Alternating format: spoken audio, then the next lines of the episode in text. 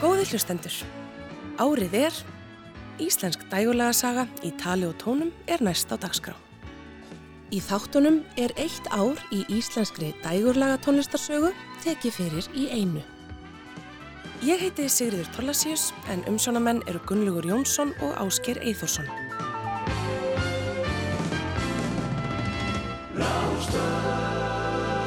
Árið er 2005.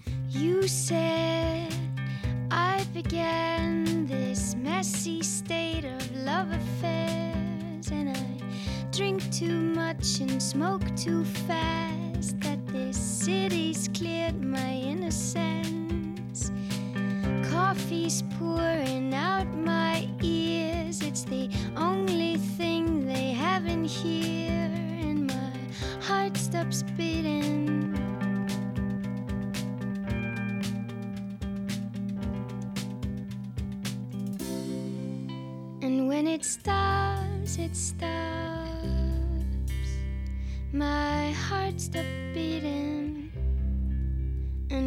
stops, it stops.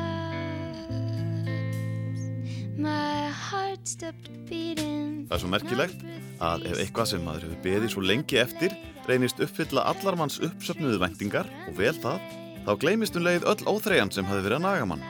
Þá er talað um að eitthvað hafi verið biðarinnar virði og þetta á við fyrstu plötu Emilionu Torini í fimm ár. Hún var svo sannarlega biðarinnar virði. Svona hefst plötudómur Skarpíðans Guðmundssonar í morgumblæðinu eftir að plata Emilionu Torini, Fisherman's Woman, kom út í byrjun árs 2005. Plötuna vann hún á laungum tíma með enska pródusentinum og tónlistarmanninum Dan Carey. En hvernig kom það til að þau hittust? Ég er búin að vera að vinna með sama fólkinu. Ég á rosalega góða fjölskyldu í kringum mig í því sem ég er að gera og, og David Donald sem að var hjá Warner. Þá hérna kynir hann mig fyrir Dan Carey og, og ég var ekkit í stuði að vera að fara að skrifa einhverju plötu og mér langaði helst ekkit að vera að skrifa neina plötur meir. Og þegar ég hitti hann þá fyrir við bara hangaði saman. Fyrsta daginn þegar ég hitti hann þá, þá bara náðum við svona rosalega vel saman og við hengum hana í nokkra mánuði að gera ekki neitt. Við vorum bara í, í hérna hangsi og síðan einn daginn þá fyrir við inn í stúdíu og við í rauninni setjum allt í gang og hann langar að fara beint á tölviheilan og ég spurði hann hvert hann spilaði nokkuð gítar. Hann er já, ég, fyrir löngu, löngu síðan. Þá er hann búin að vera í svo miklu svona, svona döbb og elektróniskri tónlist að, hérna, og hann nær í gítarinn sinn og hann er náungi sem að verður obsessed algjörlega. Og hann hættir ekki að spila gítarinn. Hann heldur bara á henni þegar við erum að borða þegar hann er að elda. Emiliana hafði fundið rétta samstarfsmannin í Dan Carey og plötunni Fisherman's Woman var elektróningin á bak og burt en ljúfsárt kassagítarpopp í forgrunni og söngur Emilianu í aðalhutverki. Ólíkt því sem var að finna á síðustu soloplötu Emilianu, Love in the Time of Science. Í læginu Lifesaver fengur Dan og Emiliana aðstóð Sigtryggs Baldurssonar við laga og textasmíðina. Lifesaver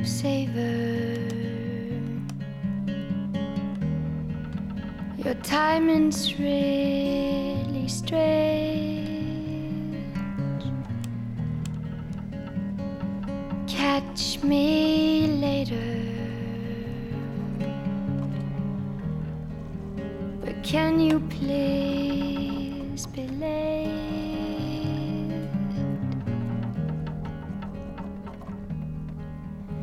And it's funny how your thoughts think they're right at all. And it's funny how your cause makes no sense at all. Lifesaver. Let's play a little game.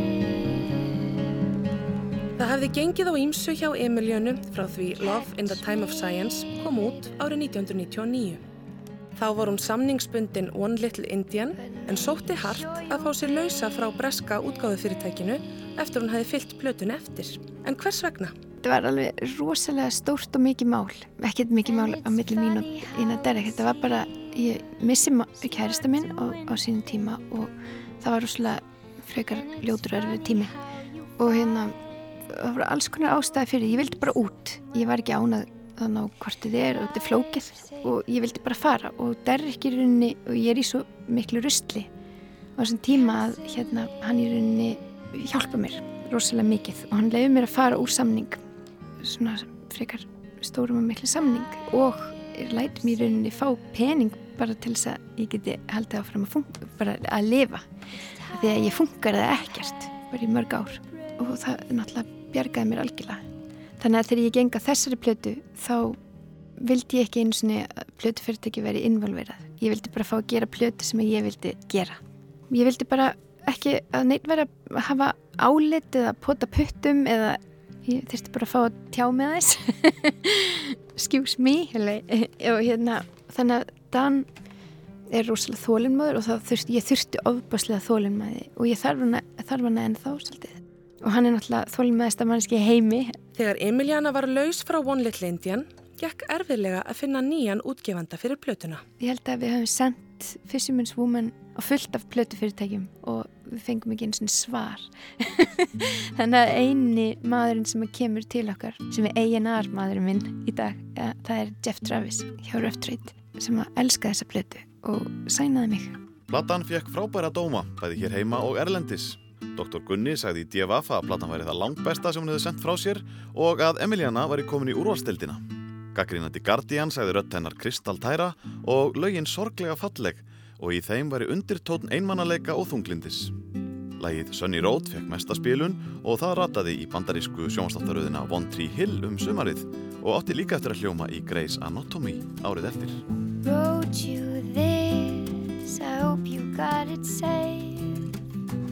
It's been so long, I don't know what to say.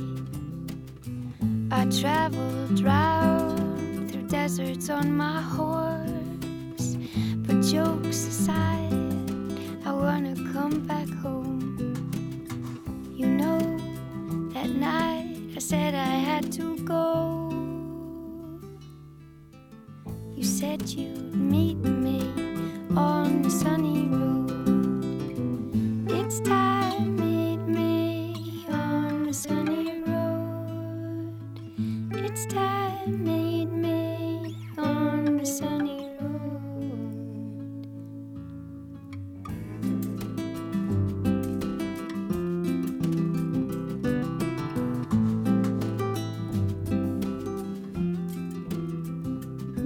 Elska þessa plötu.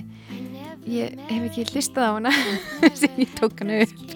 En hérna, ég elska að spila lögin af henni, ég elska að syngja hana. Ég er rosalega stolt af henni. Jújú, jú, þegar ég heyri lög af henni einhver staðar, þá hugsa ég alltaf, oh, ég var aðeins of mikið með sangina inn í stúdíói. Kanski, hún, ég hefði alveg viljað að hún sé hraðari, aðeins hraðari, aðeins, hún hefði getið verið líflegri. En svona var þetta bara þarna. Og kannski þurfti ég bara að tjá hana mjög í þögn. Will you still meet me on the sunny road?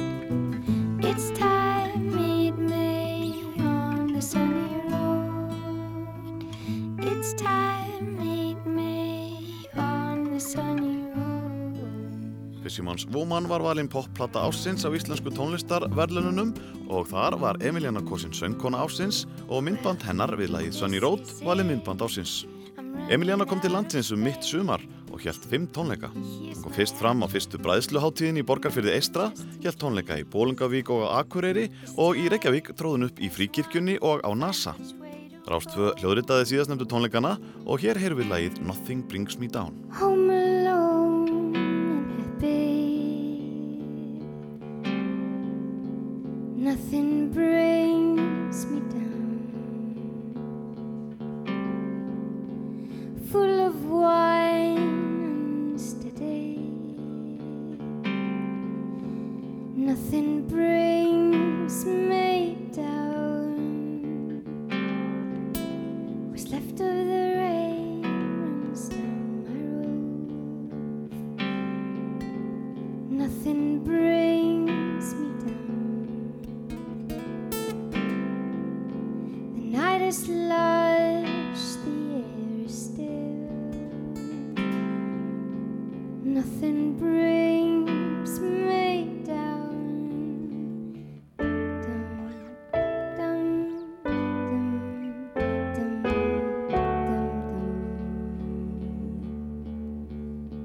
Árið er 2005.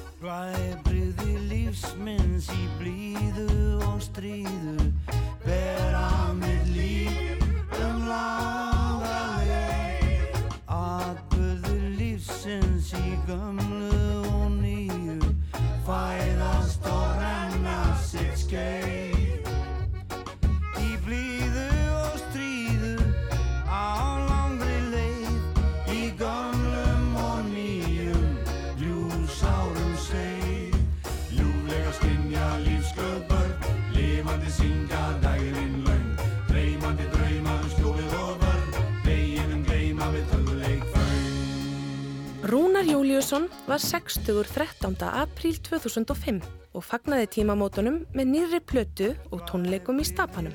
Platan heitir Blæbriði lífsins og titillægið Sandi Rúnar við texta sinn og Þóris Baldurssonar.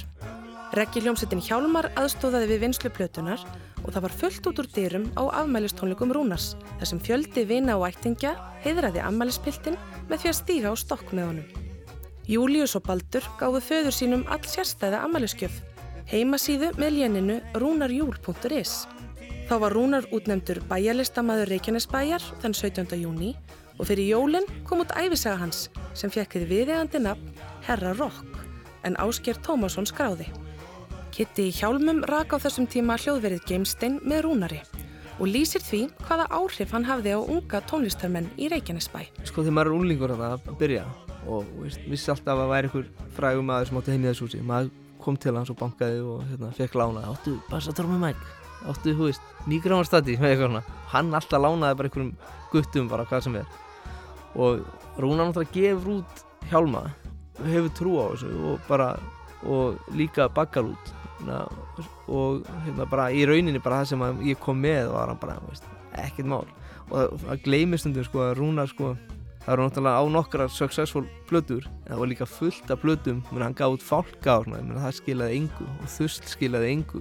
Og maður hugsaður oft sko eftir á þegar veist, maður svona eldri staðins og veit alveg að þetta kostar allt pening og, og vinnu að ég hugsa að Rúnar hafi oft sko geð út fullt af einhverjum úlingum í keflaðeg og farið svo bara um næstu helgi á að vinna og unnið fyrir tapinu sko. Og ég held að það hafi svona verið oftar þannig heldur en að, að, að geimstinn hafi kassað inn einhverjum miljónu sko það gleymir stundum að, að hérna, það eru bara ein plata sem kannski nær nullinu og eitthvað rúmlega það og meðan það eru kannski þú veist, 50 sem gera það ekki Hjálmar unnu líka óænt með Múkisson í læginu Ljósvíkingur sem fór að hljóma ára ást 2 undir lok ásins.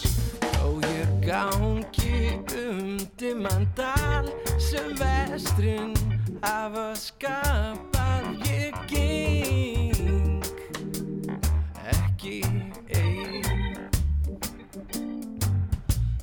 hver einn og einasti einstaklingur fæðist hér sem ljósvíkingur ég geng ekki ein.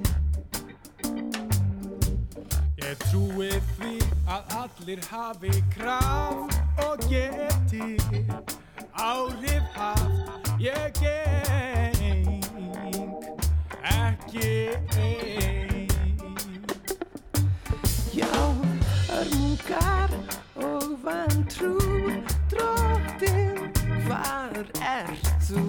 Ég geng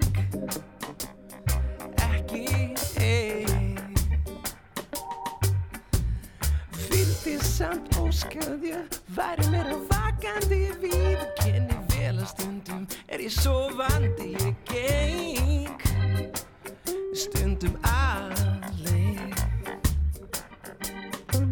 Sko þarna 2004 þú veist, þá erum við, erum við báða hljómsætti með plötur og við spilum eitthvað saman, tókum eitt NASA-gig saman á milli jól og nýjárs og ég er alveg brjálaður aðdándi sko. Við vorum eitthvað bara allar svona saman en ég þekkti á aðeins, ég þekkti það samt ekki neitt sko en ég var með síman í hafum og svo eitt morgunin þegar þetta, þetta lag kemur eiginlega bara og ég tek það upp á síman og hérna e-mailaði á Kitta þannig að í rauninni, þú veist, bullæði eða, þú veist, bara gera hennar texta og teka það upp á síman, bla bla bla bla bla. Og ég heyri strax, veist, þetta er ekki lag eftir mig, þetta er lag eftir Hjálma. Og, veist, og það er bara verið eitthvað í undumöðutinni, þannig ég e-maila e-mailaði bara beint úr símanum á hann og hann ringi bara setjum daginn, segir, þetta er frábært, þetta er ekki bara hendi í sessjón í kvöld. Þannig að ég og hérna yngsti strákurinn minn, Dýri, við keirum út í Keflæk, tökum bara upp lagi með þeim, bara á einhverjum tveim tímum held ég, rennum við í gegn, þeir, þeir fundu grúfið og hann að, veist, hjálmannir eiga þetta með mér sko. Múkisson saði frá því hvernig það kom til að hann hafði samband við Hjálma og þeir tóku lagið Ljósvikingur upp í hljóðveri Gamesteins árið 2005. Leikstjórin Baltasar Kormókur fekk Múkisson til að gera tónlistina við kvikmyndina A Little Trip to Heaven sem hann frumsýndi á jóladag. Í aðalhuturkum voru bandarísku stórleikararnir Forrest Whitaker og Julia Stiles en titilagmyndarinnar var gömul perla úr smiðju bandaríska tónlistamannsins Tom Waits sem Múkisson hljóðritaði sérstaklega fyrir myndina. Little trip to heaven on the wings of your love. And then the moon is shining in the sky. Feel like I'm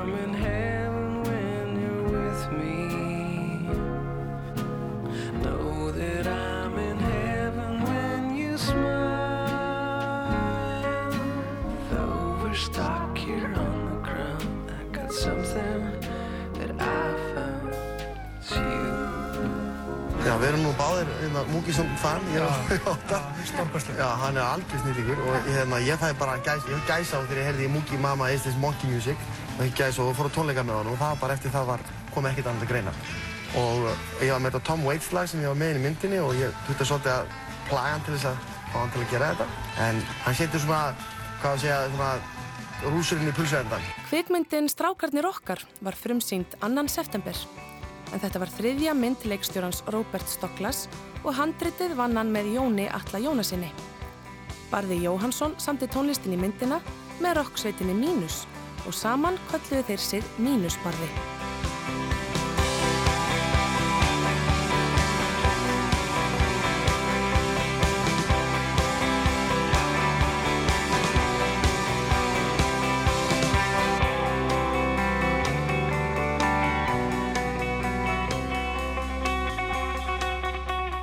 Árið er 2005.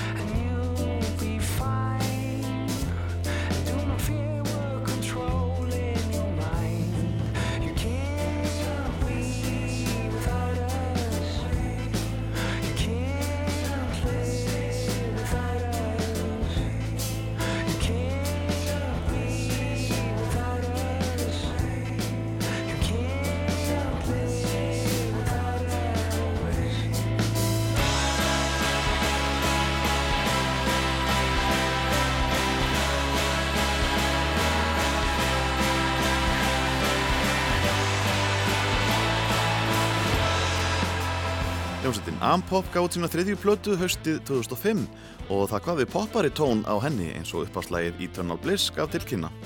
Kjartan Ólafsson og Birgir Hilmarsson höfðu skipað rafdúettin Ampop frá stopnun og saði Birgir í viðtali við fréttablaðið að þeir höfðu ákveðið að leggja frá sér þessa rafrænu aðferðið að semja tónlist og semja þessi stað lög á kassagítar og píanó fyrir nýju plötuna. Það gekk treglega í fyrstu því Biggi hafði ekki snert gítar í mörg ár en hluti af stefnubreitingunni var að finna trommuleikara í bandið. Já, við hérna vorum í marga, marga mánuð að leita trommara.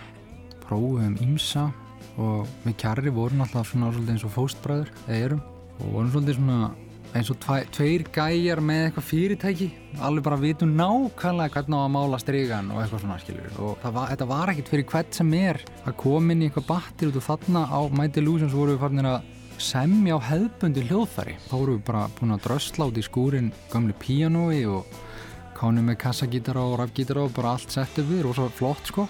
Og hérna buðum mörgum trómumur minni í þetta en þetta var rosalega eins og bara að koma inn í rauninni fullskipað veldi þar sem að þú í rauninni bara ef þú veist trommarinn þá ertu svona þá ertu ekki beint lagasmiður þú kemur bara inn og bombar á trommunar og ert með sko. Og Jóngir var einhvern veginn algjörlega rétta típan í það sko það var svakalega þegar hann kom, kom hann til okkar út og vorum búin að vera svo lengi og vorum alveg svolítið þreyttir á því að leita trommar og það var einhverju tónleikar fram, framöndan á NASA og annað og en Jóngir kom hann og við bara, þú veist, við hoppum að kæti eftir hérna fyrsta fund okkar þegar við vorum að spila saman, var bara eins og að var einhver strengur á milla okkar sko. Og þá kviknaði þetta band sem við vorum svolítið svona þekkti fyrir live sko að þú veist, það var svona kemistri í gangi sko. Birgir Hilmarsson sagði frá leitinni að rétta trómuleikaranum fyrir Ampop sem endaði með því að Jón Geir Jóhansson var ráðinn til starfa. Platan fekk nafnið My Delusions, hún var tætt þrjú ári vinslu og tókaði hann upp í eigin hljóðveri en það gekk erfilega að finna útgefanda hér heima. Á endanum var það dóttufyrirtæki Senu, Dennis, sem gaf plötuna út.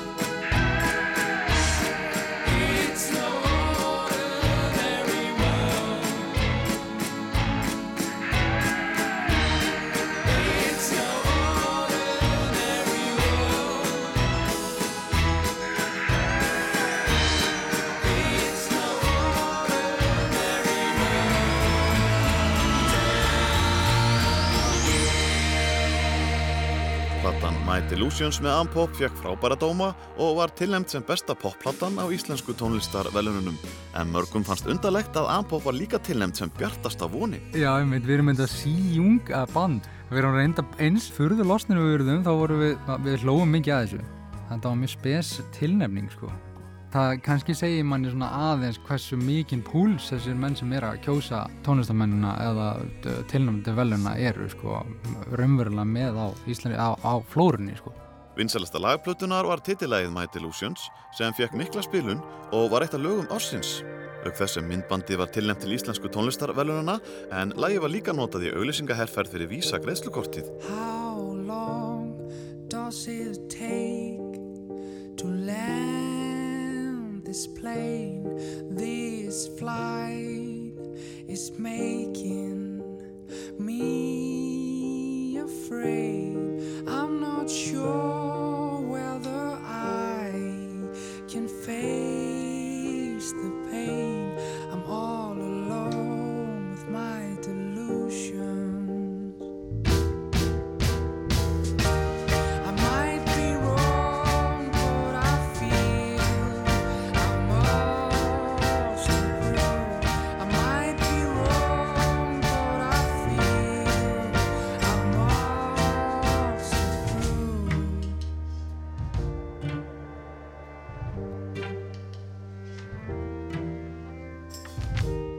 Ég hef oft pælt í því bara hvað var það sem gerði það, þetta laga einhvern slag, eða þú veist það svona stóru lagi sko. og ég er eiginlega búin að finna ástæðina, allavega þú veist fyrir mitt leiti að mjög kæri vinnur okkur kjartans hérna, Þorsteinn Konrad hann var með okkur í hljómsdynni hérna, þegar við byrjuðum að ferðast mikið og hann kom í rauninni til áður en að, að Jóngir kom inn í bandið. Hann er hljómbósleikari og, og mikill eh, raf grúskari líka sko. Og hann er alveg að spila heilmikið inn á þessa plötu hann spilaði mikið með okkur lag og var mjög kæri vinnur en hann var að eiga við veikindu á þessum tíma og þurfti frá að hverfa. Var með hérna, eh, hérna manic depressive sjúdómi og við vorum allir mjög góði vinnur þetta tók svolítið á og ég, ég manna bara út undan mér um daginn að, við sömdum semst þannig texta til hans. Veist, þetta var í rauninni textin var inspirarar af hans tilfinningu gagvart sjúdóminu sko. hvernig það fer upp og hvað er hvíðafullt að koma nýður og þannig þannig að það var í rauninni eitthvað mjög persónlegt í textan og svo var lægi svona svolítið pínu kvörki og hérna er í rauninni ekkert rosalega gleðilegt lægið en það er eitthvað við það samt í orkunni sem gerir það að verkum að fólk tengir held ég og það, ég held að, held að það sé þetta persónulega element sko, það er, það er eitthvað annað eitthvað meira á bakvið heldur en bara einhver texti og, og einhver útsetning sko. My mind is playing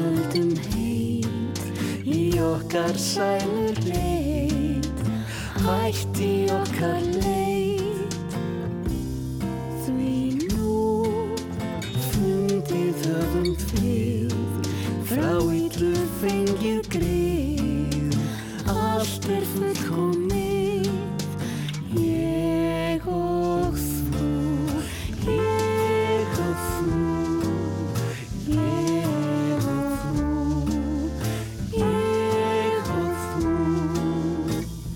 Þetta er fjóraða sólaplata mín og þetta er plata sem ég vann í ágúst og september þessu ári. Samt er reyndar megnið af lögunum á tveimu dögum fyrr um sumarið og það er mjög sjálfgett kannski að maður fari í, í slíkt hugar ástand að skapa á svo skömmun tíma. Ég gerði 14 lög á, og texta á tveimu dögum og, og hérna megnið uh, af plötunni er, er frá þessari tveggja daga perjóðu og þetta er plata sem er svona óður til, til kærlengans og lífsins og ástarinnar og það er svona svolítið öðruvísettur en hefur verið hjá mér áður ég var svona bölsýtni hér áður fyrr Orri Harðarsson gaf út plötuna Trú undir lok ásins. Þetta var fjórða sóloplata Orra en þrjú ár voru liðin frá útkomu plötunar Tár þar sem sorg, söknuður og deburð voru ábyrjandi í tekstunum. Hann var búinn að semja og taka upp sjö lög fyrir nýju plötuna um vorið en áttaði sig þá á því að deburðin var ennþá allsráðandi. Fekk nóg af þunglindinu og ákvað að byrja alveg upp á nýtt með gleði og bjartsinni að vopni. Hann öðlaðist aftur trú á lífið og kærleikan og meðal þeirra sem aðstóðuðu orra voru Artbjörg Klíf Valsdóttir sem söng duett með honum í læginu Ég og þú, Pálmi Gunnarsson plokkaði bassa, Kristján Edelstein spilaði á gítar, Halli Gulli á trommur og þýski munnhörpuleikarin Mark Breitfelder kom einni við sögu. Það lag sem fekk mesta spilun var Listin að lifa sem KK söng með orra. Lífið er leikur Þess virða að lifa því Brost út í bæði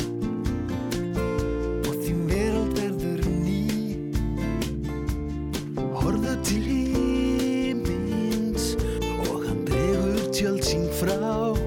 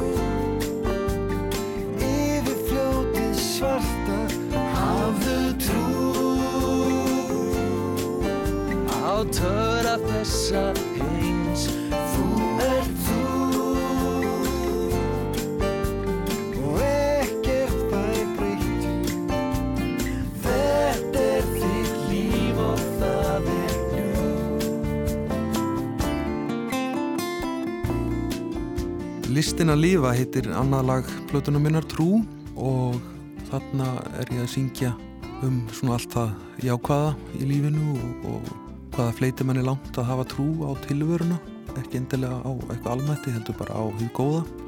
Og hérna það var vel við hæfið að fá góðan félaga minn KK til að syngja þetta lag á móti mér þar sem að þar fer ákallega lífsgláður og skemmtilegu maður. Árið er 2005.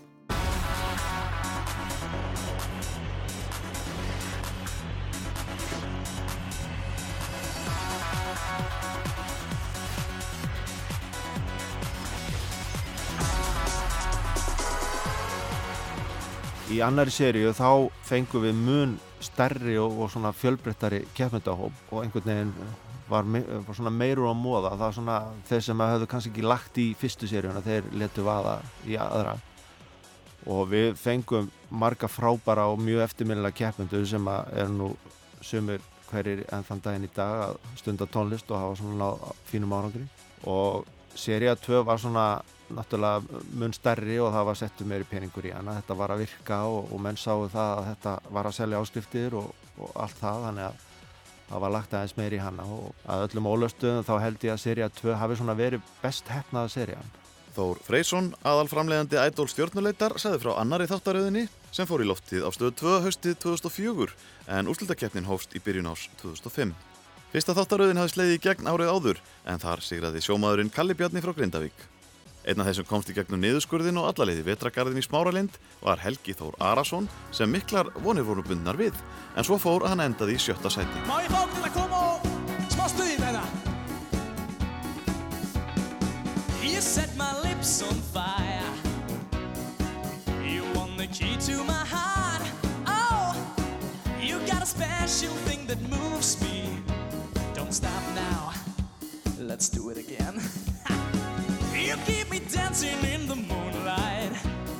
I feel the pleasure in your touch. Idol stjórnuleit Rán Eva vinsalast og stærsti þáttur í sögu stöða 2 þetta var ótrúlega meðbyr sem að stöðin hafði með sér á þessum tíma og ég held að mér er að rekja það stórleiti til þáttana það voru allir að horfa og, og það var sleið alveg með áhorfi hverju viku og svo var þessi símakostning og, og það var í úslita þætti reyndar í seríu 2 þá voru millir 120 og 130 þúsund atkvæði greitt sem að ég held að hafi nú ekki verið toppa á að ég þóra fyllilega en það var algjört ædólæði og það var alltaf tróðfullt í, í vetragarunum og, og mikil eftirspurning til miðum og þetta var ótrúlega skemmtilegt Það var fljótt ljóst að keppnin myndi standa á milli Hildar Völu Einarsdóttur og Heiðu Ólafsdóttur. Það gekk eftir og þar mættust í úrslitaþættinum í Smáralindinni 11. mars 2005. Báðar sunguð er lægið Líf eftir tónlistastjórakeppninar Jón Ólafsson við texta Stefáns Hilmarssonar sem söng það uppalega á samnöndri soloplötu sinni árið 1993.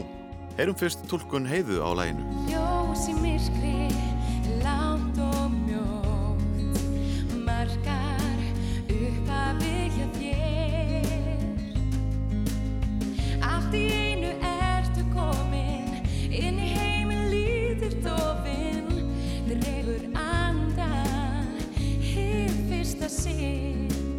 eins og svo ofta áður að þá endaði þetta svona eins og maður var búin að hugsaðlega búast við að þær stæði uppi tvær í lokaðættinum en það var mjög skemmtilegt sko þetta ferli, þetta, þetta náttúrulega var svaka drama þegar það var verið að senda keppundur heim og, á mikið gráti baksviðs og, og svo framvegis. En þetta voru svona drauma úslitt að fá þær tvær í, í, í lokaðáttin og í raun og veru skipti þáttin engum máli hvort þeir einni eða ég held, að, ég held að þeim hefur líka verið svona nokkuð sama þeir voru þarna í úrslitum og, og, og voru í raun og veru báða búin að vinna þetta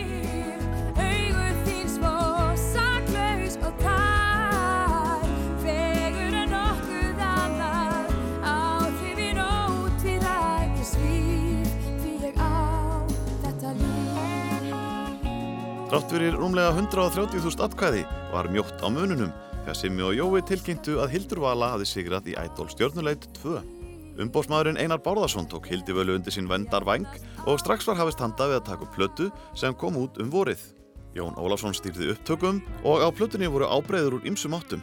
Þar meðal gömul perla og smiðju spilversk þjóðanna, lægið Húsin mjagast upp.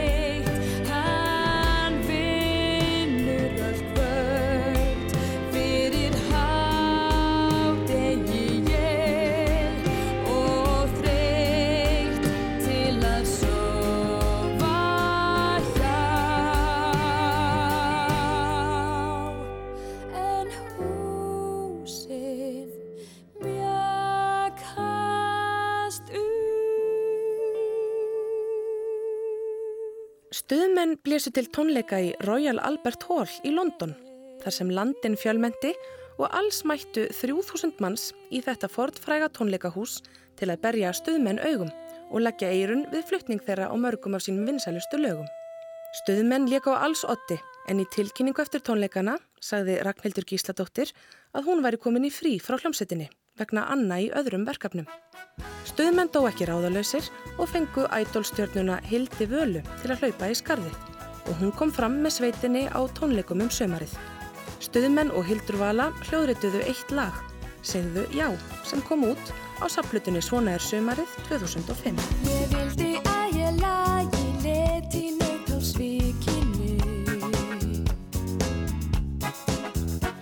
Ég sé mig þar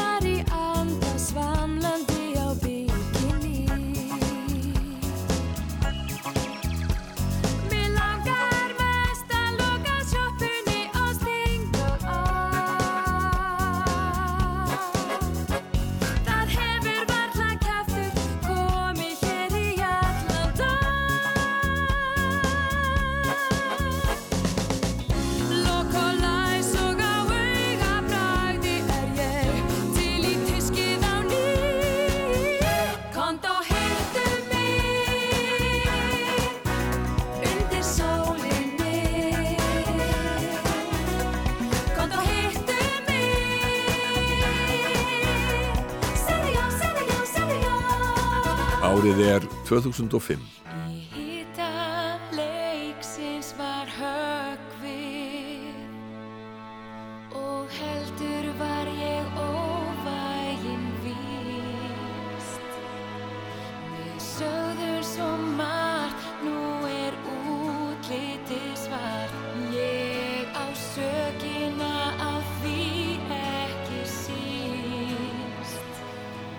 Eins og áður sagði var söngkonan Heiða Ólafsdóttir í öðru sæti í Idol stjórnuleit árið 2005. Hún sendi frá sig sína fyrstu soloplötu, hluti af mér, síðar sama ár og ákvað í samráði við upptökustjóran Þorvald Bjarnar Þorvaldsson að fá nokkra íslenska lagahöfunda til að semja fimm ný lög fyrir plötuna. Hinn fimm voru tökulög og gamla trúbrottslægið Starlight fekk mesta spilun. Uppafslæg plötunar Hvar sem er samt í ungur og efnilegur tónlistamæður Snorri Snorrason sem síðar gerði garðin frægan í sömu keppni, Idol stjórnuleit, vorið 2006. Stefán Hilmarsson gerði íslenskan texta við lagið og það er óvægt að segja að Heiða hafi fundið háanótunar undir lok lagsins.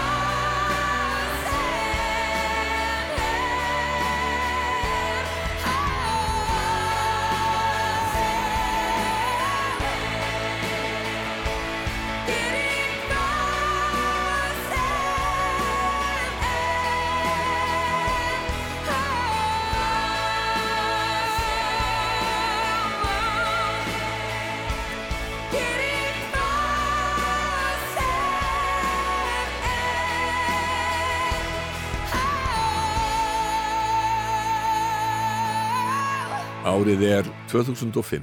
If I had your love, you would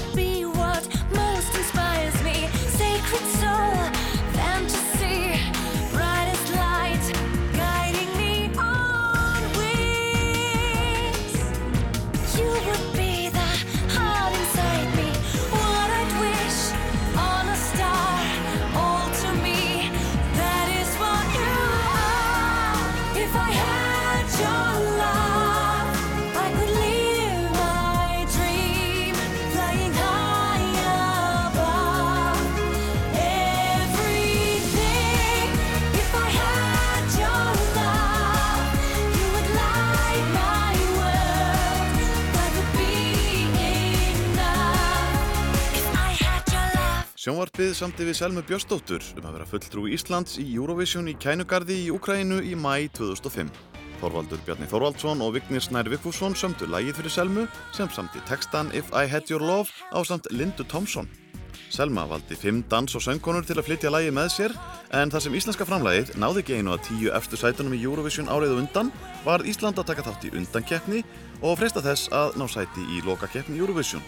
Það gekk ekki upp því lægi lendi í 16. sæti en aðeins tíu efstu komust áfram og margir landsmenn vildu meina að óvennilegur klæðaburður Selmu hefði átt þátt í því hversu illa henni gekk í keppninni. Árið er 2005.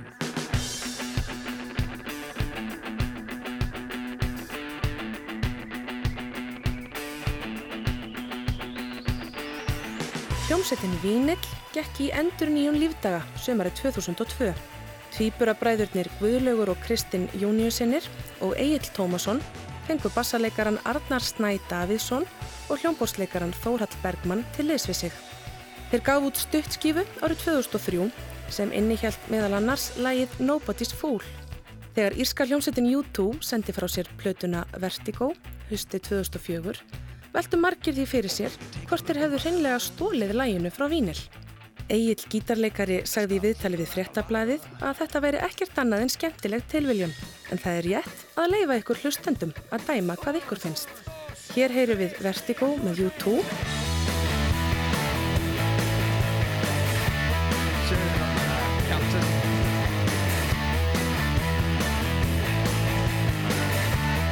Skiptum svo yfir í Nobody's Fool með Vínil.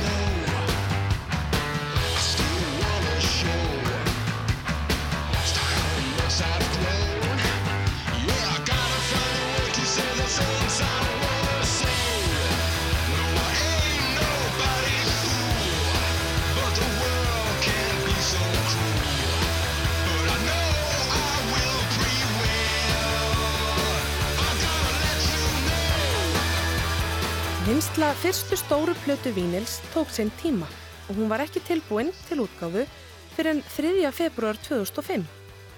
Platan fekk einfallega nafnið LP og var kynnt á útgáfutónleikum á Gauknum sama kvöld og hún kom formlega út. Helmingur lagana hafði hljómað í útvarpi eða komið út á stuttskífunni tveimur árum fyrr en hinn helmingurinn var nýra nálinni. Guðlaugur Júniusson og Egil Tómasson sögðu frá plötunni í útvarsviðtali á Rást 2. Þessi plata spannar eiginlega svona síðastliðin tvö ár í okkar lífi og við tókum plötun upp í, í, á hinnum ymsu stöðum samt að mestuleiti hjá honum uh, Silla Geirdal í stúdíu September nýra á Grensásvegi og, og, og já, ég hveti eiginlega fólk bara til að hlusta yfir og, og tjekka útkominu, þetta er svona, ég veit ekki.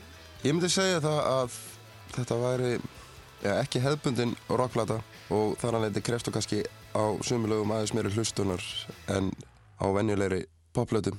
Sölvi Blöndal var upptökustjóri lagana sem voru á stuttskífunni en Silli Geirdal stjórnaði upptökum á hinum lögunum. Platan fekk fína dóma en fundið var að því að ekki væru fleiri nýlög á plötunni. Liðsmenn Vínils heldu til Austin í Texas um miðan mars til að spila á tónlistarháttiðinni South by Southwest. Stuttskífan kom út um líkt leiti í bandaríkjónum án teljandi árangurs en Vínilpiltar voru duglegir við tónleikahald hér heima og spiluðu meðal annars á Iceland Airwaves um höstu.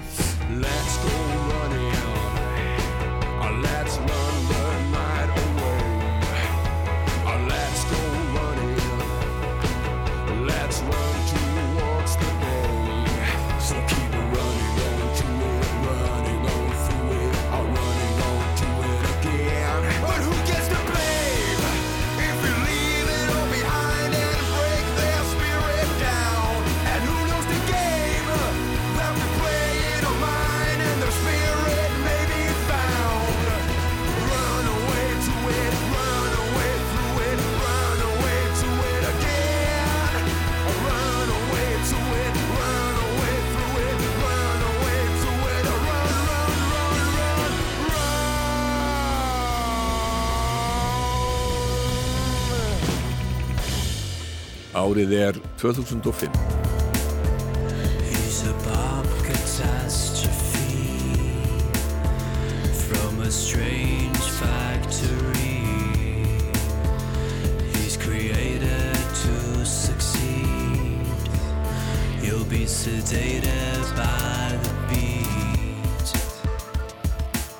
plata rafhljómsveitarinnar Warm Screen frá Akranesi og nágræni Automatic kom út undir lok ás 2002 hér á landi og sveitin var meðal annars tilnæmt til íslensku tónlistarvelunarna sem bjartasta vonin. Platan kom út í bandaríkjunum sumarið 2004 hjá Arena Rock Recording Company og eftir að hafa eitt setni hluta ársins 2004 í tónleikaferð um bandaríkin hófu Átni Teitur Áskilsson og félagar lokavinnslu á annari plötu sveitarinnar. Mörg nýju lagana voru orðin fastagestir á tónleikum sveitarinnar þannig að það var komin tími til þess að setja saman plötuna Push Play. Lægið Electron John vakti töluverða aðtikli sumarið 2005 og í framhald að því var samið við Dennis, dóttur fyrirtæki Senu, um útgáfu plötunar á Íslandi. Þíski ráftónlistarrisin Electrolux sá síðan um útgáfuplötunar á Erlendri grundu og þar var splæst í tvöfaldaplötu sem innihjalt einnig endur hljóðblandanir frá mörgum helstu ráftónlistarsnillingum Íslands, til dæmis Hermigerfil, Biggs, Biogen, Jakja, Frank Mörder, Bigital og Exos. Við hefðum áðan brot úr læginu The Pop Catastrophe en hér er sungið um Jón hinn elektróníska.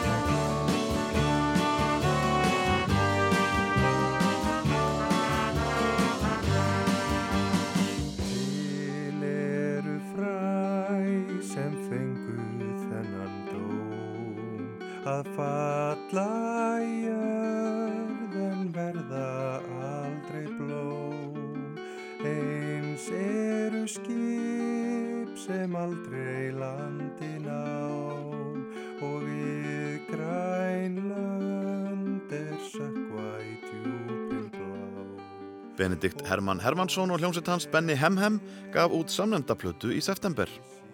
Hljómsveitin var skipuð 13 tónlistamönnum, þar af 5 blásurum, en Benedikt hafði gefið út sína fyrstu plötu undir nafninu Benny Hemhem árið 2003 í 30 eintökum. Nýja platan var tekin upp í sundlauginni, hljóðveri Sigurósar í Álafórskósinni og innihjelt 12 lög, þar af 10 eftir Benna. Freyr Bjarnason sagði í plötudómi sem byrtist í fréttablaðinu að það var eins og að skella sér í tífóli eða skrúðgöngu að hlusta á plötuna og Benny uppskar ríkurlega þegar hann semdur titlinum Bjartasta vonin á íslensku tónlistar velununum. Dægur flugan aldraða til eru fræ, fekk fína spilun til að byrja með, en lægið sem vakti mesta aðtekli var frumsamið og ber nafnið I Can Love You in a Wheelchair Baby.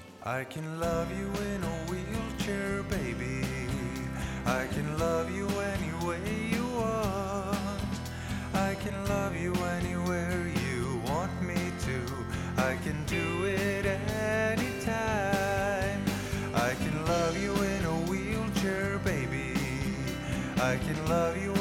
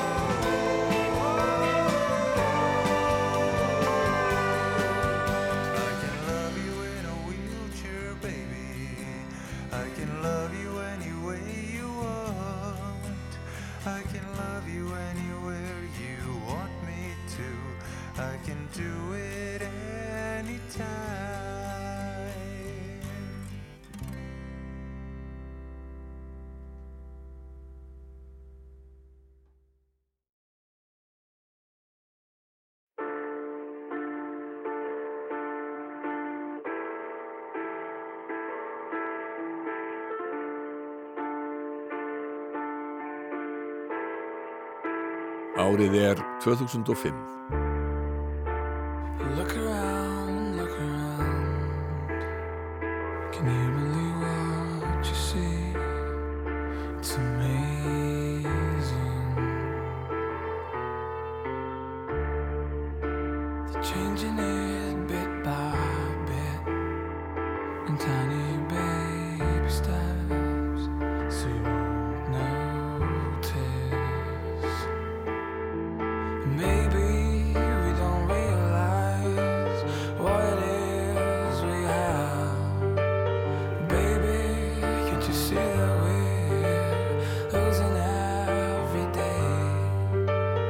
Frá því við gáum út Undertag 2002 þar til við gáum svo út Hunting for Happiness 2005 þá vorum við mikið í hljómsveitaræfingum sem að tóku langan tíma og var til mikið af lögum mikið að æfa og semja og því um líkt. Og svo fórum við mikið að spila tónleikum hérna í Reykjavík hefum við lítið gert af hérna, fyrstu árin sko. Við hefum allir spáð mikið í tónlist og, og, og hvernig tónlist verður til og svona og, og, og vorum mikið í að taka upp sjálfur og svona en okkur langaði mikið að fá aðstóð fá eh, reynslu við að taka upp. Þannig að hugmyndin kom upp að, að út okkur uh, pródúsir eða upptökur stjóra sem að hefur allavega þessum tíma tíðgæðis mjög lítið. Það var alveg enginn að gera það en okkur fannst það sniðugt. Einhvern veginn flög svo fluga í kollina okkur. Haugur Heiðar Haugsson, söngvari, gítar og píjánuleikari dyktu, sagði frá plötunni Hunting for Happiness sem kom út undir lok árs 2005. Dyktupiltar veltu mikið fyrir sér hvert þeir ættu að fá til að stjórna upptökum á plötunni. En þegar þeir sáu að Ace, gítarleikari Skankanansi, væri að koma til landsins sem plötusnúður á Airwaves-háttíðinni 2004, dætti mig hug að hann væri rétti maðurinn í verkið. Ace hafði talsvert unnið við upptökustjórn og þeir sendu honum pröfu upptökur og byðu spendir eftir viðbröðum. hann kom til Íslands og spilaði á Æslandi Airways og fór svo aftur en svo nokkrum vikum síðar þá fengum við bref frá hann þar sem hann hafi ekki séð brefið okkar fyrir en eftir hann kom heim til Englands aftur og hreifst mikið af þessum pröfu upptökum sem við höfum gert og bauðslis að koma hingað að taka upp þessa blödu og hann er ótrúlega ljúfur og, og, og vínalegur maður og vildi allt fyrir okkur gera og vildi rukka okkur vola lítið því að hann vissi að við erum lítið band á Íslandi og svo þurftum við að tala við umbósmannan sem alltaf var kannski ekki alveg á svömmum pælingum kannski en hann var samt til í þetta og þetta gekk alltaf endanum og hérna endaði með að koma hingað til lands sömarið 2005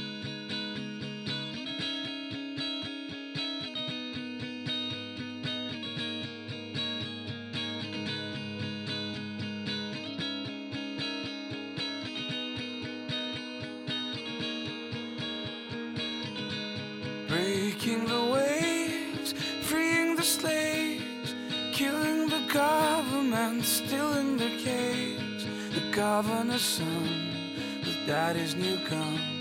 Come out and play, let's have some fun. Break all the rules and ruin the schools. How will be now? Which ones are the fools? Let's swallow the pill with every new fill. Reveal our Eís gerði nefnilega alveg fullt fyrir okkur. Við erum búin að vera hljómsað þarna í nokkur ár og svolítið fastir í okkar eigin heimi. Við fáum hérna mann sem er bæði mjög reynslu mikill tónlistamæður og hefur líka unni með stærstu pródúsörum í heiminum. Það er hann búin að læra ansi mikið af þeim og hendi því yfir okkur. Áðurinn fórum í upptökur þá vorum við æfingostan okkur í nokkra daga að bara spila lögin aftur og aftur í gegn og hann að segja nei þetta gengur ekki svona, við erum að búa til nýjan kabla hérna, þetta gengur ekki, þetta virkar ekki, við erum snúa þessu við, verðum að vinna meira með þetta. Bara eins og sem dæmi í lagið Breaking the Waves, það var gamall lag sem ég samti fyrir lungu síðan og glemdi síðan, myndi svo eftir einhverjum mánuðum setna.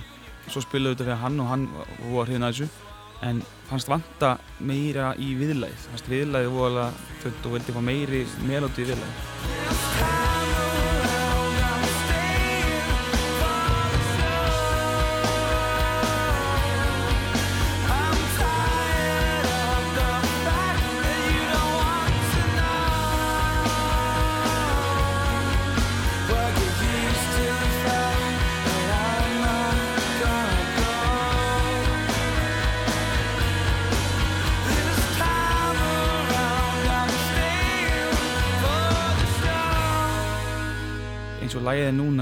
Þá er, það sem var upprunlega viðlega í læginu er bakgröðin sem er bara ekki neitt það er bara svona einhver löng nóta sem er ekkert að gerast. Þannig að lægið hefur verið allt öðru sig hefði hann ekki komið að því sko, sem dæmi. Hann hafði mikil áhrif á byggingulagana og hvernig við bara svona, komum að lagasmíðum. Svona meira kannski að spá aðeins í ekki bara lægið er bara svona af því að það er svona gæti að vera öðru sig lægið og svo hafði hann rosalega mikið að segja með hljóð heiminn að hann satt heilu dagana í stúdíónu á gólfinu upp í hljóðrita í Hafnarfirði og var að tengja saman einhverja petala og snú okkur um tökum þannig að það er mikið að segja upp á, upp á það að gera. Að sjálfsögða það hrannar líka mikið að segja með hljóðmyndina. Hann miksaði þetta og gerði mjög gott verk þar. En eins á líka stónum part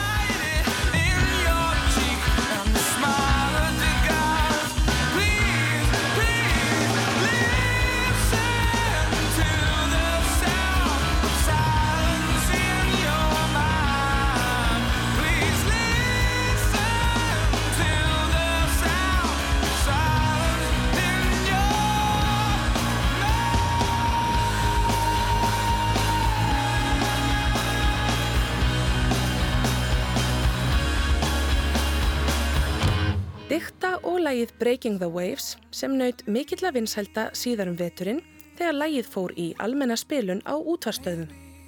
Eis hafði góð áhrif á strákana en honum til aðstóðar var Hrannar Ingimarsson sem var við takkana í hljóðrita þar sem platan var tekin upp. Fyrsta lag í spilun var óvænt Someone Somewhere. Here at the end of all things, our packed bags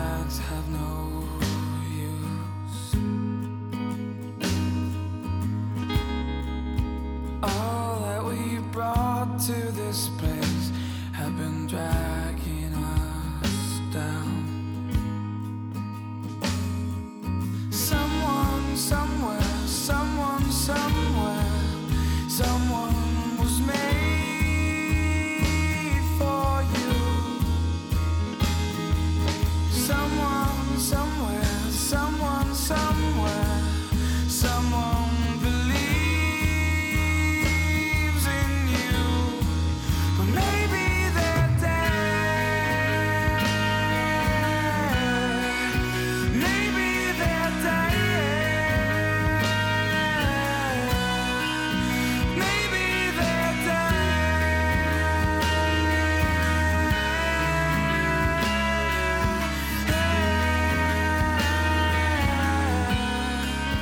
þannig að við fórum með þrjú fjögur lög af plötunni upp á Rás 2 og lutum mann sem heitir Ólafur Páll hafa disk og á þeim disk var uh, held ég Breaking Waves og lag sem heitir Someone Somewhere og þetta tvö önnur. Þetta var svona næstu í klárað, það var ekki alveg búið að klára allt, það var búið að mixa þetta allir lægi en það var átt eftir að taka einhver hljóðfæri upp og þetta strengi í Someone Somewhere og svona og letum að hafa þetta bara til að heyra og láta ykkur hérna vita að við verðum að koma með þetta efni bráðum og svona. Svo stuttu síðar er lægið Someone Somewhere með diktu bara komið í spilun á Rás 2 og við náttúrulega svaka upp með okkur að vera konur í, fasta spilun á Rás 2 hefðum ekki hugmynd um að það var að fara að gerast og hefðum öruglega ekki byrjað á læginu Someone Somewhere sem er rólegasta lægið á plötunni sko.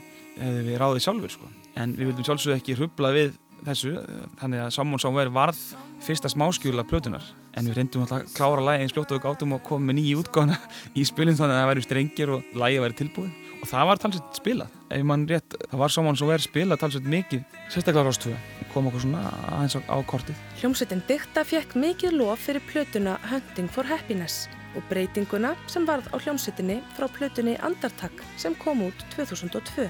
Hauskuldur Ólafsson, fyrrum liðsmaður Kvarasi, dæmdi plötur fyrir morgunblæði á þessum tíma og hann sparaði ekki rósið. Hér sprettur fram þróskuð hljómsveit með fullburða verk sem stend fyllilega samanburð við það allra besta sem er að gerast í heiminum í dag. Við heldum áfarsspila tónleika eftir að plata kom út og fundum það að koma alltaf fleiri og fleiri á tónleikana og það var alltaf fleiri og fleiri sem sungu með sem var alltaf ótrúlega gaman en það var engin stór atbörður sem að hérna, okkur fannst þið eitthvað að vera komin inn í bransan eitthvað svolítið, ekki nefnir fengum filmstjórnir í mokkan.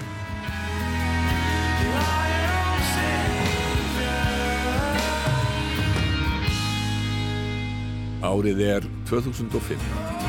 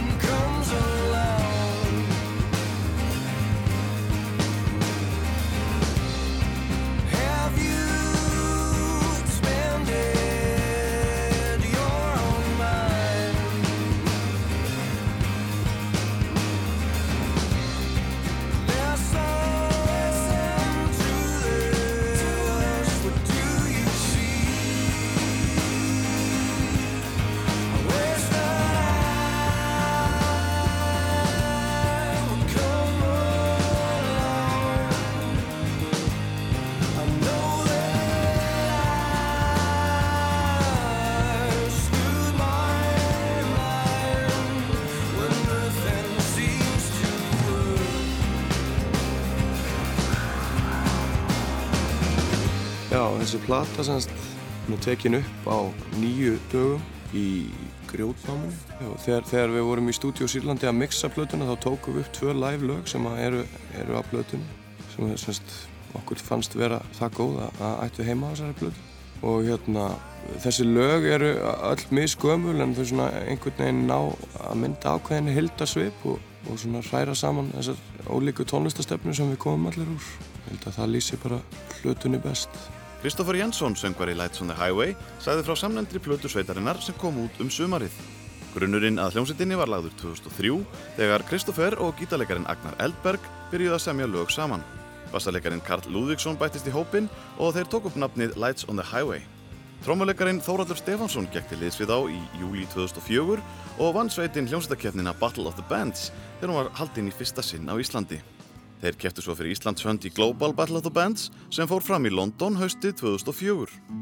Lights on the Highway gerði plötusamning við Dennis útgáfuna og tók upp fyrstu plötuna í áspyrjun 2005 og þá hafði gítarleikarin Gunnlaugur Lárusson úr Brain Police gengið til liðs við sveitina. Við heyrðum á þann brot úr læginu Long Summer Dining en þetta lag heitir She Takes Me Home.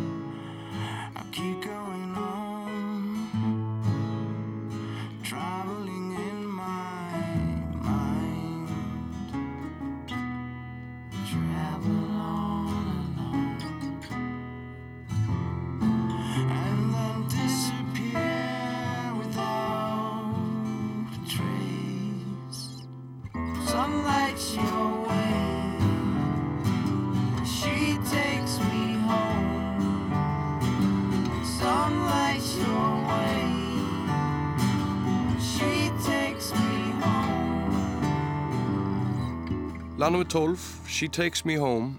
Þetta lag er, eh, semst, hitt lagið af þessum tveimur sem var tekið upp live í stúdíu Sýrlandi.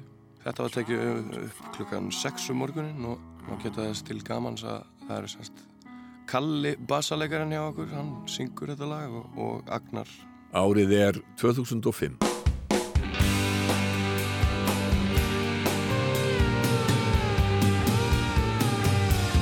Stundum þurfa allir að staldra aðeins við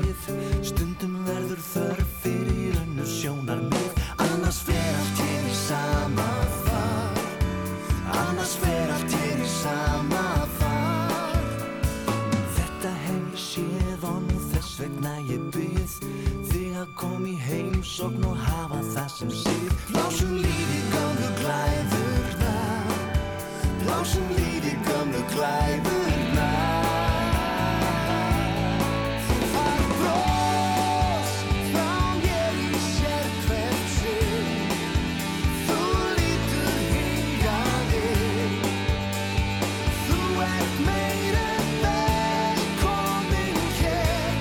Árið 2005 þá var svona tölvurur uppgangstími á Íslandi og, og gengið var hagstætt eins og margir mjög eftir. Og við fengum útgefandan til þess að bara fallast á það. Við færum til Danmarkur í stúdíu þar, Púk stúdíu heitir, heitir það hljóðver og hérna Messoforti höfðu nú tekið þarna upp nokkrum árum áður. Og þetta var virkilega skemmtilegt. Í fyrsta skiptið mitt sem að við höfum við upptökur dvalið allir á sama staðnum og verið svona hver innan um annan því hérna heima þegar maður er að taka upp þá er þetta oft svona að menn koma bara og fara og, og það er svolítið önnur stemning yfir þessu. Og við vorum nú búin að undirbúa okkur tölvert og lögin voru nú öll klár þegar við heldum utan og textarnir svona margir hverjir. En við fyrir kláruðum nokkra texta þarna úti. Í sveita sælu við lendum í miklum hýta þarna. Eiginlega bara hýta vilkju sló þarna bara í 40 gráður. Og þetta var mjög eftirvillegu tími. Já, þarna vorum við eiginlega komið með nóga þessum hérna, episku stóru Stórvirkjum. Stórvirkjum, hvað maður að segja. Og svona okkur langaði bara að vera að spila bara hérna og semja einfalda og skemmtilega popmúsík. Og þannig að við vorum allir mjög sátti við það. Stefán Hilmarsson og Guðmundur Jónsson sögðu frá plötunni Undir þínum áhrifum sem kom út um haustið og var áttunda hljóðversplata sálarinnar hans Jónsmíns en svo tólta ef allar plötur sveitarinnar eru taldar með. Hljómsettin fór til Danmerkur um sömarið til að taka upp en sveitin hefði tekið upp þrjú lög áður en hún fór utan. Eitt þeirra, Þú færð brós, fór í spilun í sömarbyrjun og ljóst var að á plötunni yrði ómengað sálarpopp eins og þeir voru þekktastir fyrir á fyrir hluta ferilsins. Í læginu Aldrei liðið betur fengu þeir aðstóð frá Samma og Kjartani úr Jaguar. Ringa dróttin, ringar mig, herðir takið, reyir sig,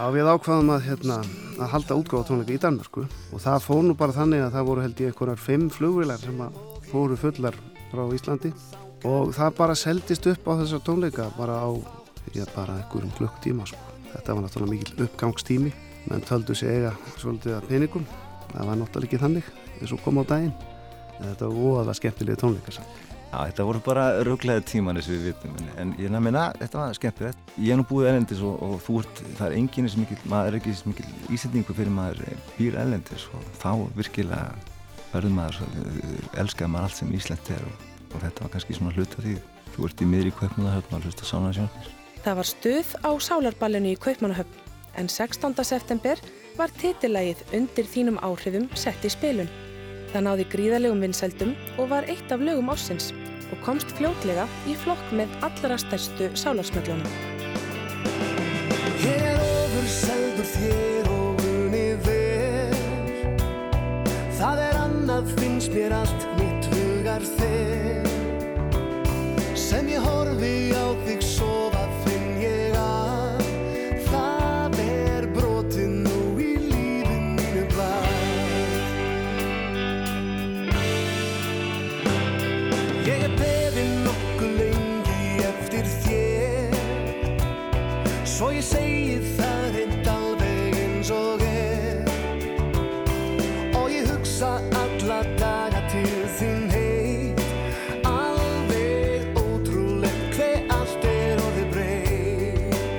vorum búin að gefa út nokkur lög hann í sumari sko. Við vissum að þetta lag myndi virkilega taka plötuna allaveg. Það var mikið móment með, með, með þessu, þessari plötu, kom út á um hausti og það var gaman svona þegar bandi búið svona lengi að eins og við Mhm. koma með svona stert lag. Mér þykir mjög vant um þetta lag og alla umgjörðu kringum með. Ég sko lagði mikið í þennan texta og hérna, hugurinn var svolítið heima. Ég hafði eignast svon hérna árinu áður og það var svolítið erfitt að fara frá honum svona ungum. Og lagið svona talaði til mér með þeim hætti að þetta væri svona, það hæfði svona texta sko. Þetta eru svona stóru strókurnar í lífinu, ástinn og lífið og, og börnin og, og þetta einhvern veginn tók sinn tíma og tók að með toll þessi texti en Já, þarna var maður svo var við það sko, hvað getur verið erfitt að búa til texta sko, hvað fer mikið, gríðarlega mikið vinnar sko, því yfirleitt verði ég ekkert var við það og ég man eftir ég samt þetta lag, ég samt þetta lag nokkur árum áður þannig að þá er ég einhverjum sólobröldi sko, og ég ég tími ekki að vera þetta lag bara verður að fara í sálinna og alla leið. Þetta var, lag, var svo sérstaklega strax og ég samt það sko, vissi að það var styrt Ja, þetta er okkar bara, ég myndi segja, þetta, var- þetta er mitt uppáhaldsálalag fyrir og síðar. Það er allan nokkur hefnari en ég. Þessi tilfinning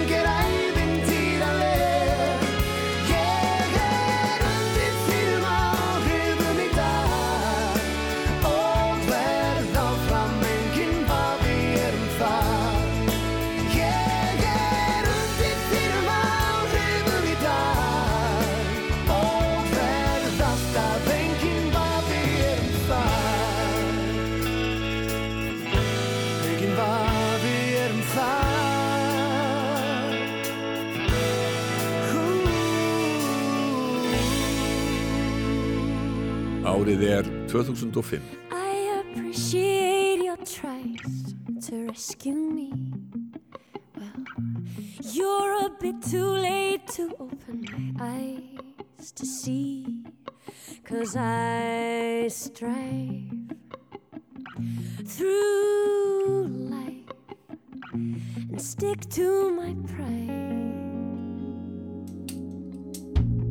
I know it's too soon to give up everything. You know flowers bloom after the rain.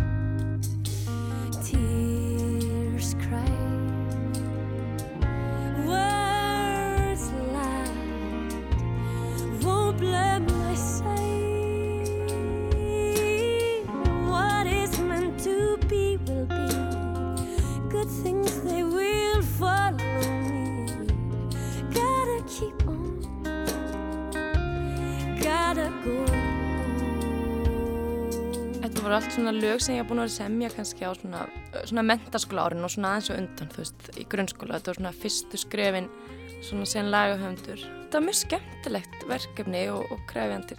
Þetta var raunni, ég, þetta var útskriftaverkefni líka í, í FIH, sko, tónlistaskóla FIH. Þannig rauninni ferlið, sko, mótunarferlið og efnin á sér allt stað, sko, þegar ég er að taka þetta burtfrapróf. Og svo kemur platan ári síður eitthvað og þarna skildu líka leiðis okkar steinar sko því að hann sko vildi einhvern veginn ekki gefa þetta út. Þetta var of mikið svona eitthvað jazz fusion fyrir hann sko og, og náttúrulega ennsku líka. Þannig að tól tónar komið þá inn í myndina og þá samstarf okkar. Ég er mjög ána með laugin á, á þessari blötu sko og svona músikin en svona böggamelta pínu svona textanir á henni. Þetta er svona svolítið úlingalegt og, og svona ég manna Andra Jóns held ég að sagt sko hún sagði við mig að hún held að ég væri eitthvað mistróska sko því að tónlistin var eitthvað svo þroskuð og flott sko en svo voru textanir einhvern veginn. Veist en þetta er svona eftir að higgja bara krútlegt sko en ég átti alltaf erfitt með að sko túra þessa plötu og svona fylgin eftir af því að mér fannst ég vera sko ég var einhvern veginn orðin þroskaðari heldur en textarnir voru á henni einhvern veginn. Að ég veit það ekki. Að ég gerði svo mikla kröfu líka til texta á þessum tíma. Ragnhildur Gröndal átti eina af metsölu plötum ársins 2004 og var valinn söngkona ársins. Hún átti nokkur lög og texta í fórum sínum sem hún gaf út á plötunni After the Rain árið 2005 og við heyrðum áðan brot úr titilagi plötunar. Haukur Gröndal, bróðir hennar, aðstóðaði við útsetningar og spilaði á klarinett. En auk hans spiluðu Guðmundur Pétursson á gítar, Kjartan Valdemarsson á hljómborð, Róbert Þóralsson á bassa og Einar Skeving á trommur. Greta Hreggviðsson gaf plötunni fimm stjörnur af fimm mögulegum í dómi sem byrtist í morgunblæðinu og hér heyrum við brot úr uppháðslægi plötunar sem heitir It's Your Turn. Would it be too much to ask you to make up your mind? The days are passing by so fast. Please open your eyes. I already gave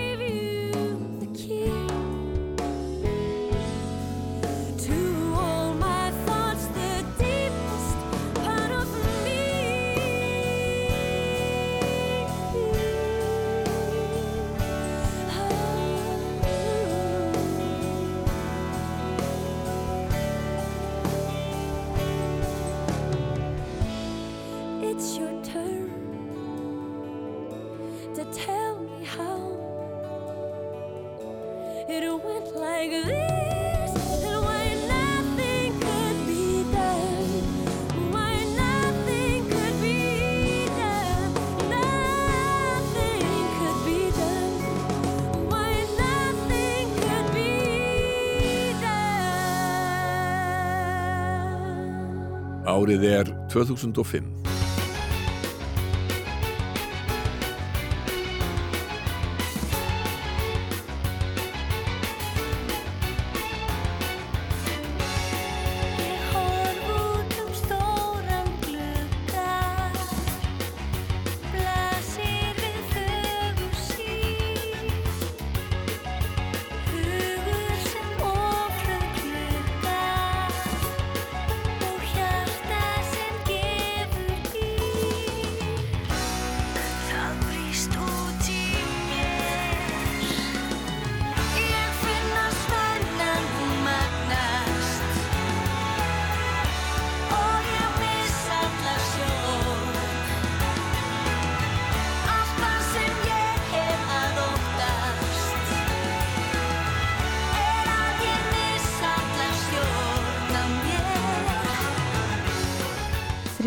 platan okkar sem við skýrðum bara í Írafár og kemur 2005 út, hún var aðeins léttari heldur en önnur platan.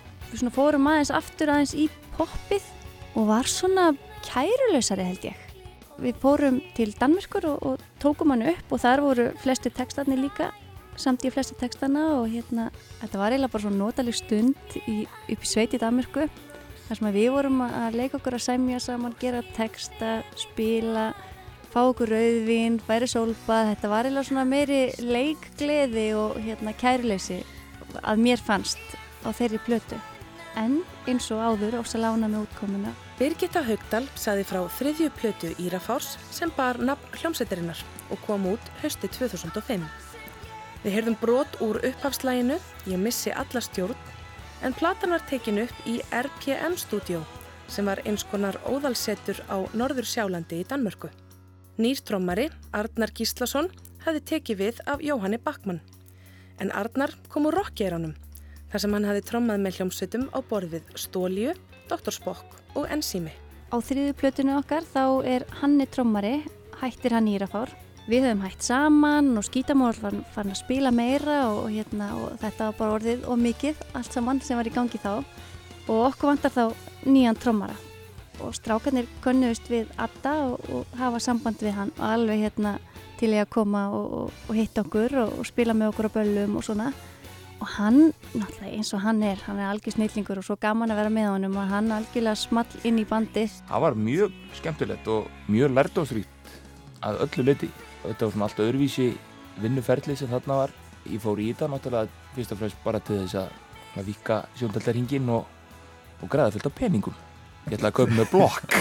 En þú söktir þessari skútinu Já, en svo, svo endan náttúrulega sökti ég í skútinu sko. Seldist ekki þessari blötu og þau hættu og allt þetta verður að skrifast á mig. Eða minnst að Gusti Guðni skrifar það á mig. Arnar Þór Gíslason og Guðni Finnsson revjuð upp þegar Addi fór í Írafár. Það var reyndar ekki alls kostar rétt hjá þeim félögum að platan hefði ekkert selst því hún fór í 9000 eintökum fyrir jólinn og var ein af söluhæstu plötum ásins. Fyrsta lægið af væntanlegri plötu kom út á safplötunni Svona er sömarið 2004 og heitir einfaldlega Lífið.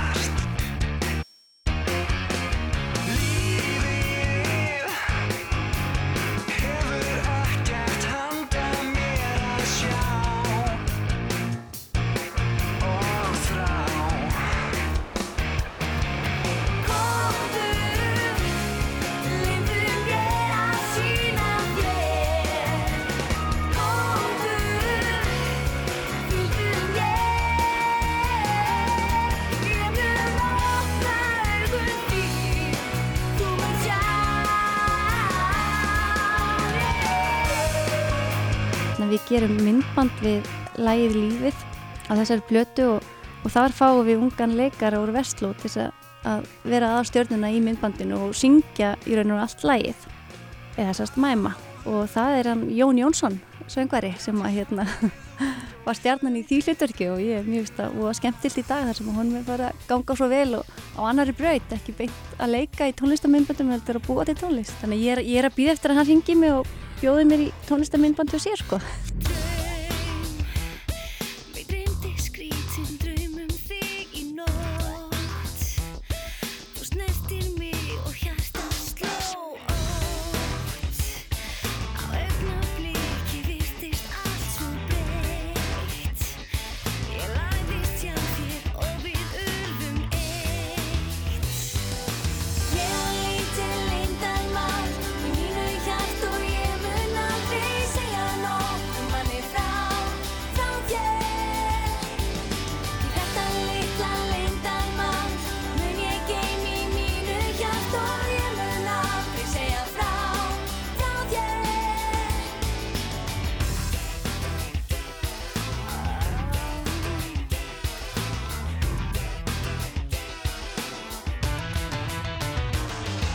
Írafár hjælt í tónleikaferð í november og spilaði á 11 tónleikum út um allt land.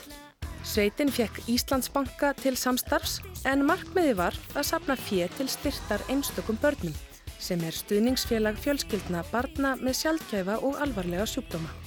Alls sapnaði Írafár 2,4 miljónum fyrir félagið. Eftir þessi plati kemur út þá ákveðum við að fara í tónleikaferðalag um all landi og spila og taka engan pening sjálf. Við vildum styrkja, fundum gott málefni sem við styrtum og þarna var þetta bara orðið þannig eins og sé, við spilum það mikið, við vorum að fá góðan pening og höfum það gott og komum með þessa plötu að þarna vorum við komin á þann stað og okkur langaði meira að gefa af okkur.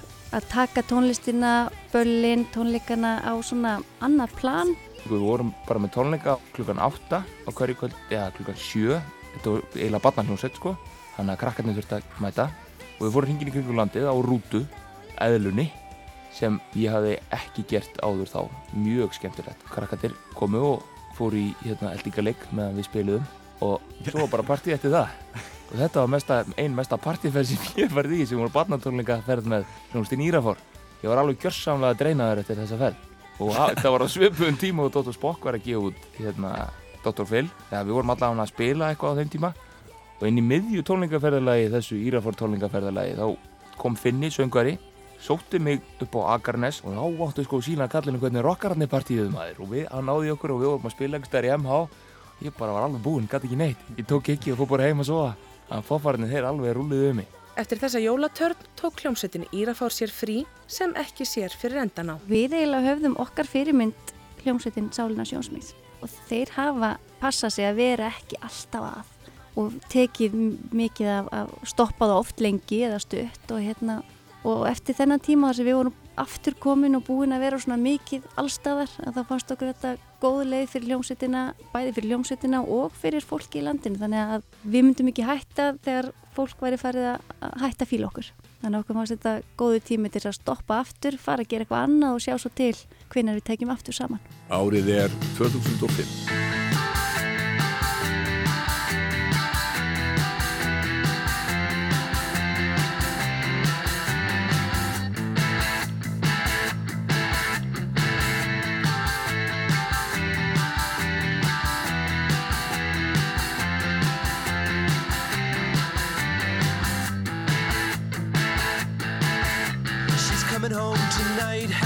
Dealt the final blow. Forgetting half and half of what she doesn't even know. She picks at me for hours with those words she doesn't like. Her freedom is an outrage and her voice is discontent. She screams and takes a fit when we need money for the rent. And fate is never equal to the money when it's spent. Try evil for a laugh with dancing tables arranged. She's lost her contact now, she thinks her family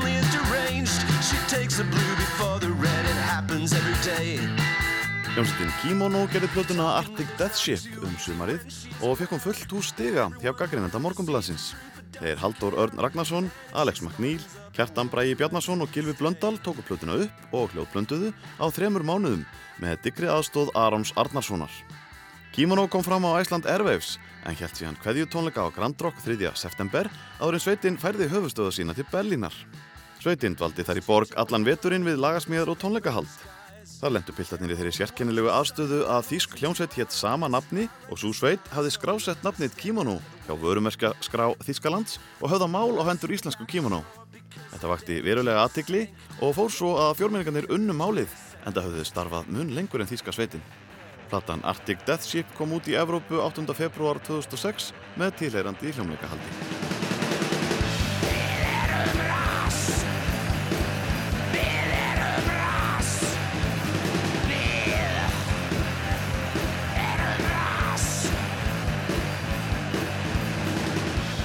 Rush var prójekt eiginlega, meira afsakun til þess að spila saman held ég sem að við byrjuðum með öruglega 94-5 eða eitthvað svoleiðis bara upp úr því þegar að ham hætti. Það var svona einhver gleði í okkur Adda og Bjössa að spila saman. Við dróðum með okkur Guðna Finnsson bassalegara og uh, svo var Flósi líka með okkur á tímabili. Þannig að við vorum búin að vera að spila svona frá 94-5 og pössum okkur á því að taka alltaf að minnst ástu eitt gegg á ári. Og hugsunin með Rush var alltaf að þetta er því punkljósett og uh, hún mætti ekki verða góð. Þannig að við vorum með nokkra mjög skýra reglur. Við æfðum aldrei söndum öll lög bara á sviðinu. Það var tekin ákvörðin á þeim að farið á svið í hvaða tóntegundlagið yrði og cirka bát umfjöldunarefnið eða sem sagt málefnið sem yrði tekið á. Og svo var þumböðarregna svo að, að bassarleikarinn byrjaði lagið og trommarinn uh, laug því Óttar Proppi sagði frá upphafi hljómsveitarinnar Rass. Það var alls ekki meiningin að taka upp plötu, en þau plön breyttust. Síðan er það þarna 2004 sem að Aron upptökumæður bankar í okkur og vil endilega fá að taka upp uh, efni með Rass. Og það var aldrei svona andstætt pælingunni hjá okkur, en uh, við letum til leiða svona gáðamónum eina helgi og fórum inn í stúdíu og síðan áttu við þetta bara svona í farteskjunu, fannst þetta voðalega fyndið og skemmtilegt og þetta gekk svona aðeins á milli manna í eitthvað árið eitthvað svoleiðis. Þangað til að uh, smekkleysu fólki datt, komst í þetta og neitt okkur til þess að gefa út þessa plötu. Og það mánum kannski segja að sumuleiti að þá hafi verið búið að eðilegja rass vegna þess að þá var búið að nekla niður lögin og menn kunnu þau og við vorum fært að mæta tónleika og spila bara lög sem við kunnum og gera það jafnvel ágætlega stundum og uh, þannig að þá svona datt allt í botnin úr þessu. Platan fekk nafnið Andstaða og í tekstunum var stungið á ýmsum kílum samfélagsins. Eitt umfyllunarefnið var umbóðsmaður alþingis.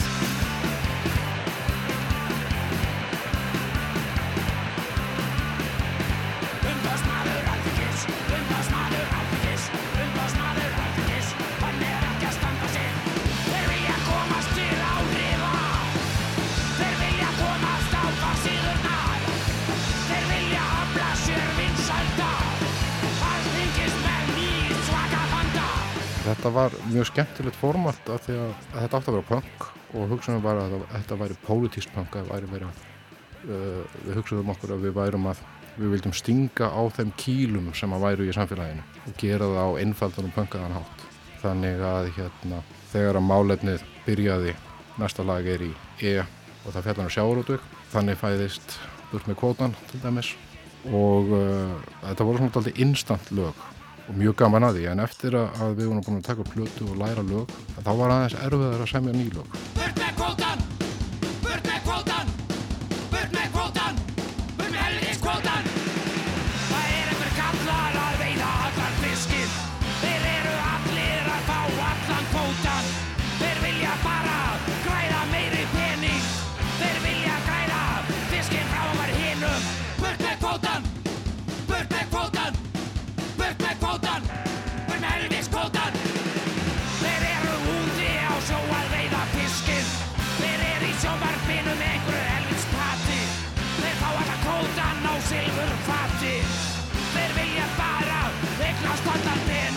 Hljómsveitin Rass og lægið sem flestir tengja við sveitina. Burt með kvótan. Í fyrstu stóð ekki til að setja lög af plötunni í útvarspilun. Jú, svo lendum við náttúrulega í því þegar platan var komin út að einar verður tringir í mig einhver tíman og spyr hvort við hefum ekki að fara að setja lag í spilun og í einhverju gríni þá ákvaðum við að setja lagi burt með kvótan í spilun fyrir sjómanadaginn og svona sem svona smá upphittun og þá endar það á því að það verður þetta svakalegt hitt á X-inu sérstaklega. Og var bara að spila út í eitt þarna allt er það 2005 og upp úr því þá fórum enna að bóka bandið í alls konar gig hinga og þanga og þetta var eiginlega orðið bara svona hálf vandrarlegt höfðum einhver tíman í einhverju gríni tekið upp svona bóli, svona wife-beaters bóli sem við máluðum á anarkimerki og svo framvegis. Og þetta var orðið heilmikil vinn að mála bóli fyrir öll þessi gig vegna þess að þeir hafðu svona tendens til þess að eiðileggjast eða enda í handunum á áhörundum þannig að við svona markvið stróum aðeins úr þessu í kjálfarið Burt með kvótan! Burt með kvótan! Burt með kvótan! Burt með helvitskvótan! Hey, Britney's telling you now your breasts can be smaller than her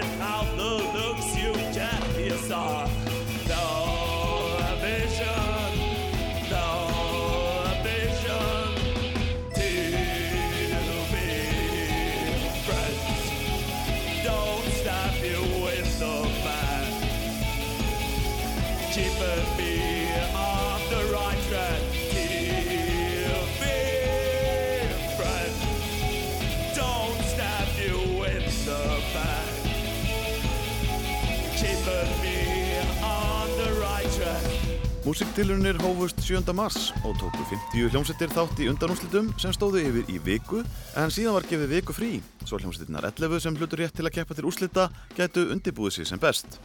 Þetta reyndist vel því allar sveitirnar stóðu sér vel þegar komað úslitakvöldinu sem fór fram í Östurbæ föstudagskvöldið 18. mars. Hljómsveitin The Dyers lendi í þriðja sæti, Hello Norbert var í öðru sæti en haffiska hljómsveitin Jakobínarína bar sigur úr bítum og var þar með fymta hljómsveitin úr Hafnafyrði til að vinna músiktilunir. Sigurlaunin voru M-Box og hljóðvestími í sundlauginni í Álafosskvós í Mósfellsbæ. Hljómsveitin spilaði víða í kjölfarið, kom meðal hans fram á Iceland Airwaves og hittaði upp á tónleikum White Stripes í lögatarsöllinni í november.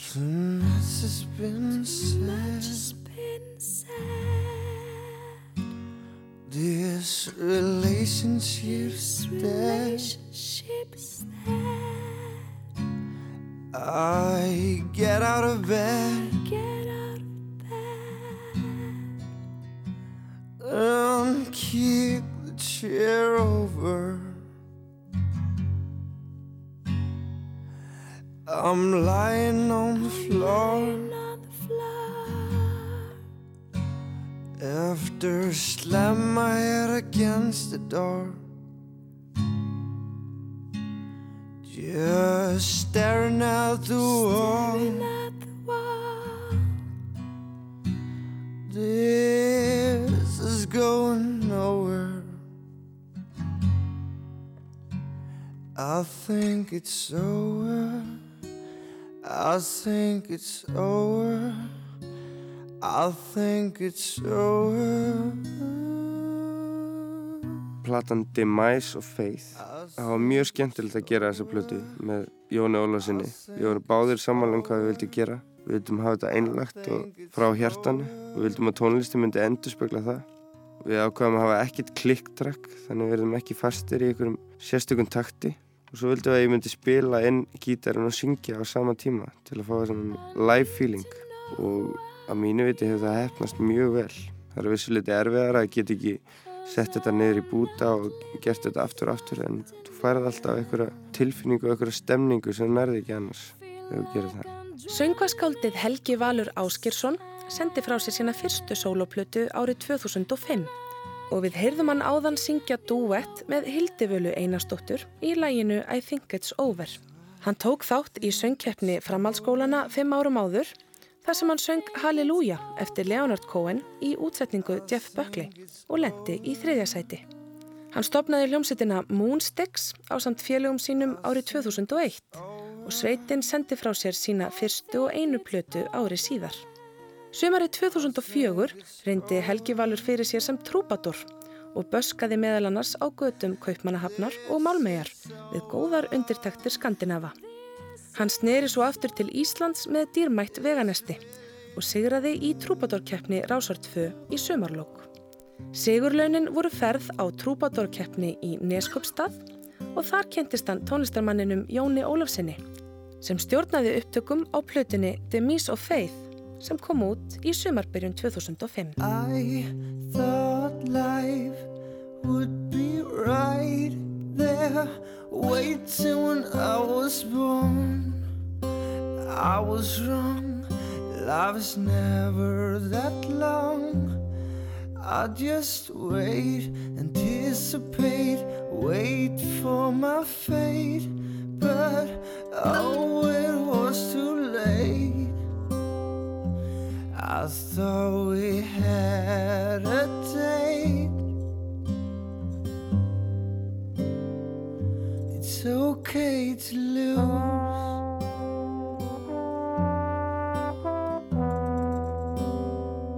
It's okay to lose.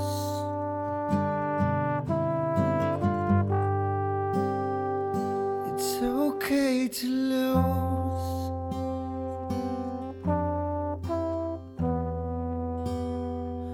It's okay to lose. Árið er 2005.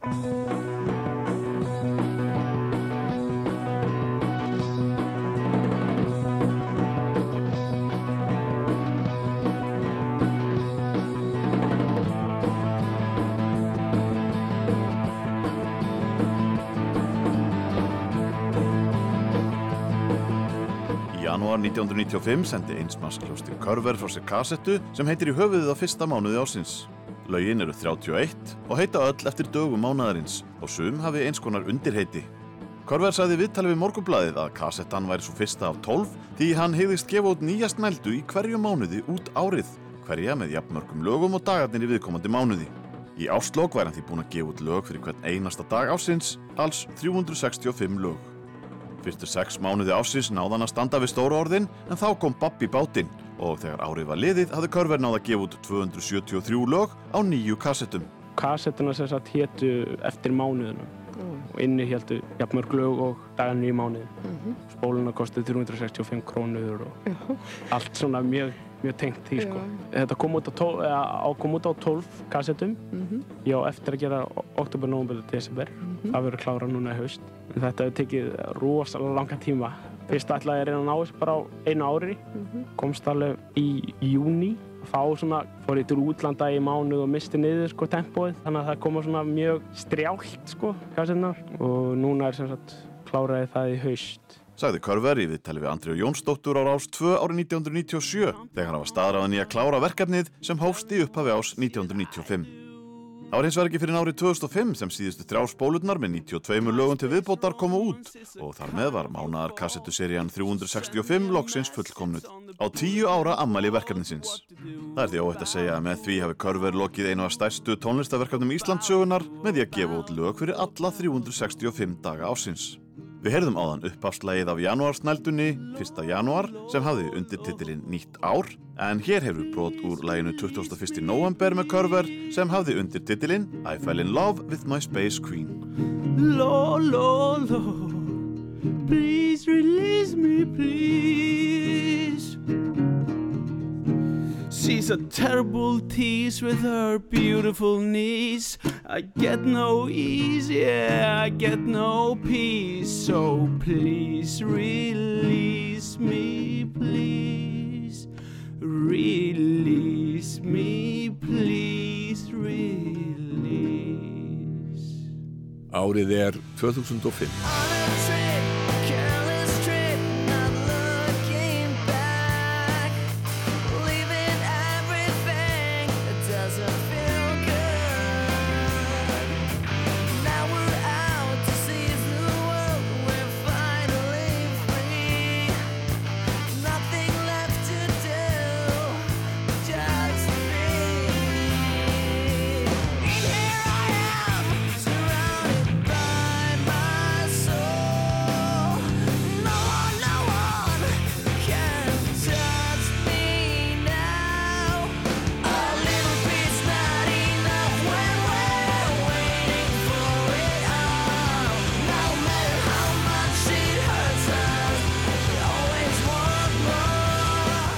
vestfyrska hljónstinn Sigg sem var skipuð bræðrunum Ragnari Solberg og Agli Erni Rapssonum ásamt Arnari Gretasinni og Silla Geirdal sendi frá sér plötuna Thank God for Silence árið 2005.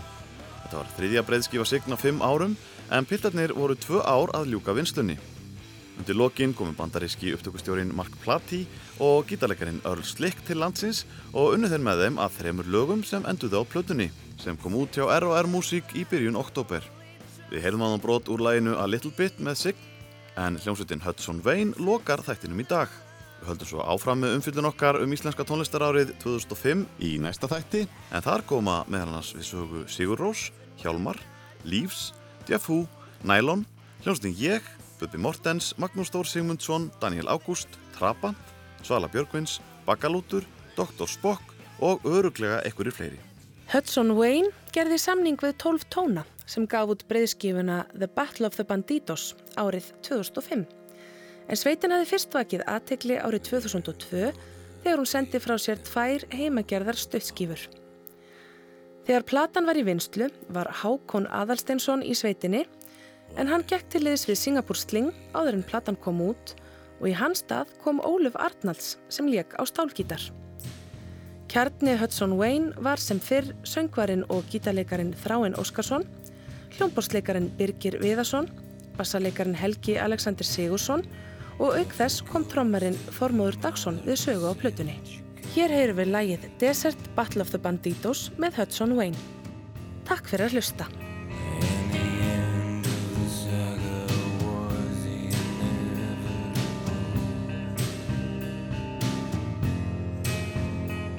drown